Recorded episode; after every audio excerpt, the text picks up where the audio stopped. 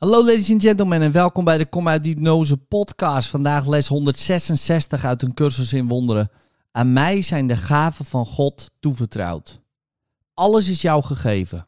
Gods vertrouwen in jou is grenzeloos. Hij kent zijn zoon. Hij geeft zonder uitzondering en houdt niets achter wat tot jouw geluk bijdragen kan. En toch, tenzij jouw wil één is met de zijne, worden zijn gaven niet ontvangen.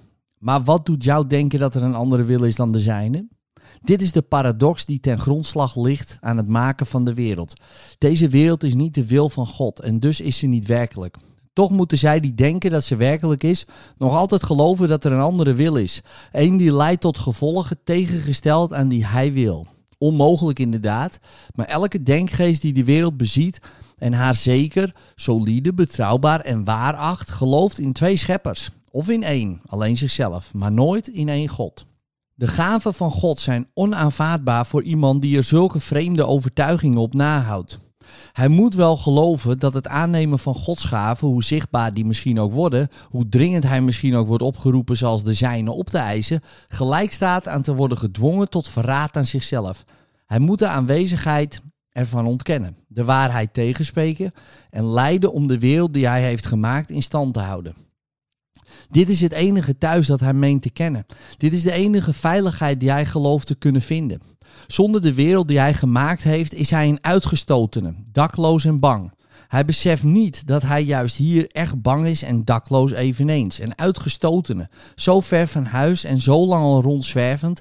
Hij beseft niet dat hij juist hier echt bang is en dakloos eveneens. Een uitgestotene, zo ver van huis en zo lang al rondzwervend dat hij niet beseft dat hij vergeten is waar vandaan hij kwam, waarheen hij gaat en zelfs wie hij werkelijk is. Toch wordt hij op zijn eenzame, zinloze zwerftochten vergezeld door de gaven van God, zonder dat hij daar enig weet van heeft. Hij kan ze niet kwijtraken. Maar hij zal niet kijken naar wat hem gegeven is. Hij zwerft voort, zich bewust van de nutteloosheid die hij overal om zich heen ziet, terwijl hij merkt hoe het weinige dat hij heeft alleen maar slinkt, terwijl hij voortgaat op weg naar nergens. Toch zwerft hij verder in armoede en ellende, alleen, hoewel God hem vergezelt. En een zo grote schat de zijn is dat de waarde van alles wat de wereld bevat wegvalt tegenover de grootheid hiervan.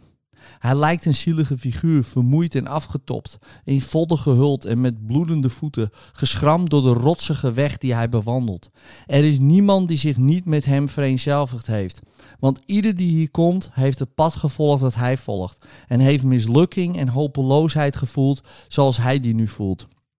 Maar is hij werkelijk tragisch wanneer je ziet dat hij de weg volgt die hij gekozen heeft en zich slechts hoeft te realiseren wie hem vergezelt en zijn schatten hoeft te ontsluiten om vrij te zijn?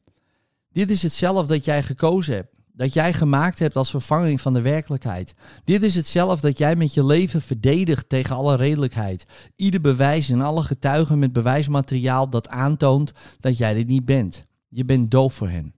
Je gaat verder op jouw gebaande weg met je ogen neergeslagen uit vrees dat je misschien een glimp van de waarheid op zou vangen. Verlost zou worden van zelfmisleiding en worden bevrijd.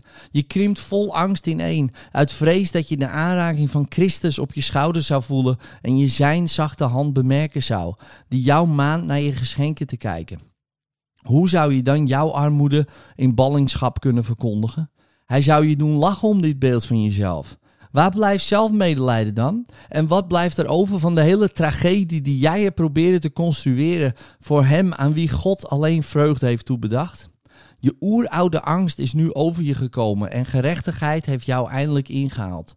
De hand van Christus heeft jouw schouder aangeraakt en je voelt dat jij niet alleen bent. Je denkt zelfs dat het ellendige zelf waarvan je dacht dat jij dat was, misschien niet jouw identiteit is. Misschien is Gods woord waarachtiger dan het jouwe. Misschien zijn zijn gaven aan jou wel echt. Misschien is hij niet geheel om de tuin geleid door jouw plan om zijn zoon in diepe vergetelheid te houden en zonder jouzelf de weg te gaan die jij gekozen hebt. Gods wil verzet zich niet die is er eenvoudig. Het is God niet die jij gevangen hebt in je plan jouzelf te verliezen. Hij heeft geen weet van een plan dat zo vreemd is aan zijn wil. Er was een nood die hij niet begreep, waarop hij een antwoord gaf. Dat is alles. En jij aan wie dit antwoord gegeven werd, hebt niets anders meer nodig. Nu leven we. Want nu kunnen we niet sterven. Het verlangen naar de dood is beantwoord. En de blik die je naar keek is nu vervangen door een visie die ziet dat jij niet bent wat je voorwendt te zijn. En vergezelt jou iemand die mild al jouw angsten beantwoordt met dit ene meedogende weerwoord. Zo is het niet. Hij wijst op alle gaven waarover jij beschikt. Telkens wanneer de gedachte aan armoede jou benauwt en spreekt van zijn gezelschap, wanneer jij jezelf als bang en eenzaam ziet. Maar hij herinnert jou aan nog iets anders wat jij vergeten was. Want zijn aanraking heeft jou gemaakt zoals hij. De gaven die jij hebt zijn niet voor jou alleen. Wat hij jou is komen aanbieden, moet jij nu leren geven. Dit is de les die zijn geven in zich bergt. Want hij heeft jou verlost van de eenzaamheid die jij poogde te maken om je daarin te verschuilen voor God. Hij heeft je aan alle gaven herinnerd die God jou gegeven heeft. Ook maakt hij duidelijk wat jouw wil wordt. Wanneer jij deze gaven aanvaardt en erkent dat ze die jouwe zijn. De gaven zijn van jou. En jouw zorg toevertrouwd om aan allen te geven die de eenzame weg verkozen hebben waaraan jij bent ontsnapt. Ze begrijpen niet dat ze slechts hun wensen volgen. Jij bent het die hen nu onderwijst. Want jij hebt van Christus geleerd dat er een andere weg is die ze kunnen gaan. Onderwijs hen door hun het geluk te laten zien dat tot diegene komt die de aanraking van Christus voelen en Gods gaven erkennen. Laat verdriet jou niet verleiden om ontrouw te zijn aan wat jou is toevertrouwd. Jouw zuchten zullen nu een verraad zijn aan de hoop van hen die zich voor hun bevrijding tot jou wenden. Jouw tranen zijn die van hen. Als jij ziek bent, houd je slechts hun genezing tegen. Waar jij bang voor bent, leert hen alleen dat hun angsten gerechtvaardigd zijn. Jouw hand wordt de gever van de aanraking van Christus. Jouw verandering van denken wordt het bewijs dat wie Gods gaven aanneemt, nooit onder iets lijden kan. Jou wordt toevertrouwd de wereld te bevrijden van pijn. Verraad haar niet. Word het levende bewijs van wat de aanraking van Christus iedereen kan geven. God heeft jou al zijn gaven toevertrouwd. Getuigen in je blijdschap van hoezeer de denkgeest transformeert die ervoor kiest zijn gaven te aanvaarden en de aanraking van Christus te voelen. Dat is jouw missie nu.